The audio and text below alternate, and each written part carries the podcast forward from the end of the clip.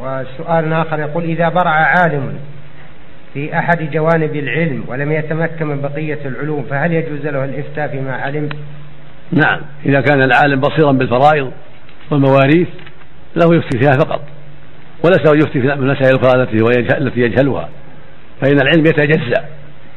فللعالم يفتي فيما علم دون ما لم يعلم